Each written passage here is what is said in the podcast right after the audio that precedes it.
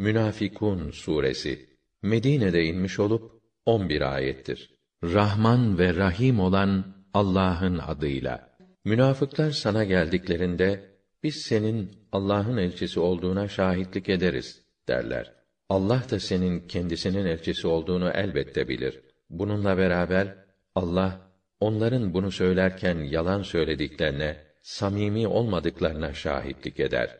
Onlar yeminlerini kalkan olarak kullanıp insanları Allah'ın yolundan uzaklaştırırlar. Yaptıkları bu iş ne kötü bir iştir. Çünkü onlar önce inandıklarını iddia ettiler. Sonra inkara gittiler. Bu sebeple kalpleri mühürlendi. Artık onlar hakkı anlamazlar. Onları gördüğünde kalıpları, kıyafetleri senin hoşuna gider. Onları beğenirsin. Konuştuklarında sözlerine kulak verirsin. Gerçekte ise onlar adeta koltuklarına dayanan, içi boş, ruhsuz kütüklere benzerler.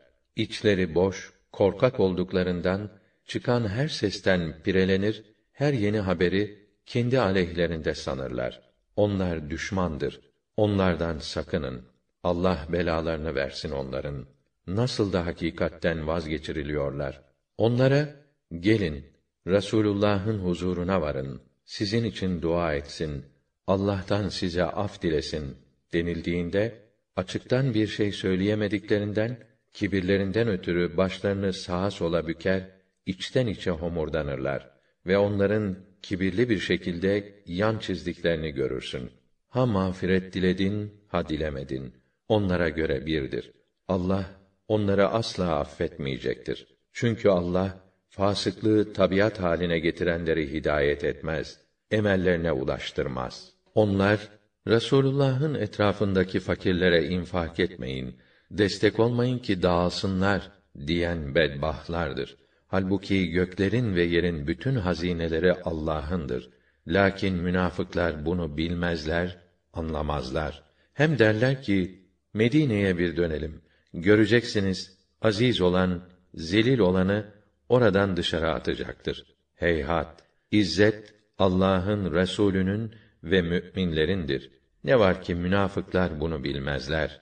Ey iman edenler, gerek mallarınız, gerek evlatlarınız sizi Allah'ı zikretmekten alıkoymasın. Bilin ki böyle yapanlar en büyük kayba uğrarlar. Sizden birinize ölüm gelip çatmadan önce size nasip ettiğimiz imkanlardan Allah yolunda harcayın. Ölüm gelip çatınca ya Rabbi az mühlet ver bana. Bak nasıl hayırlar yapacağım. Tam takva ehlinden olacağım diyecek olsa da Allah vadesi gelen hiçbir kimsenin ecelini ertelemez. Allah yaptığınız her şeyden haberdardır.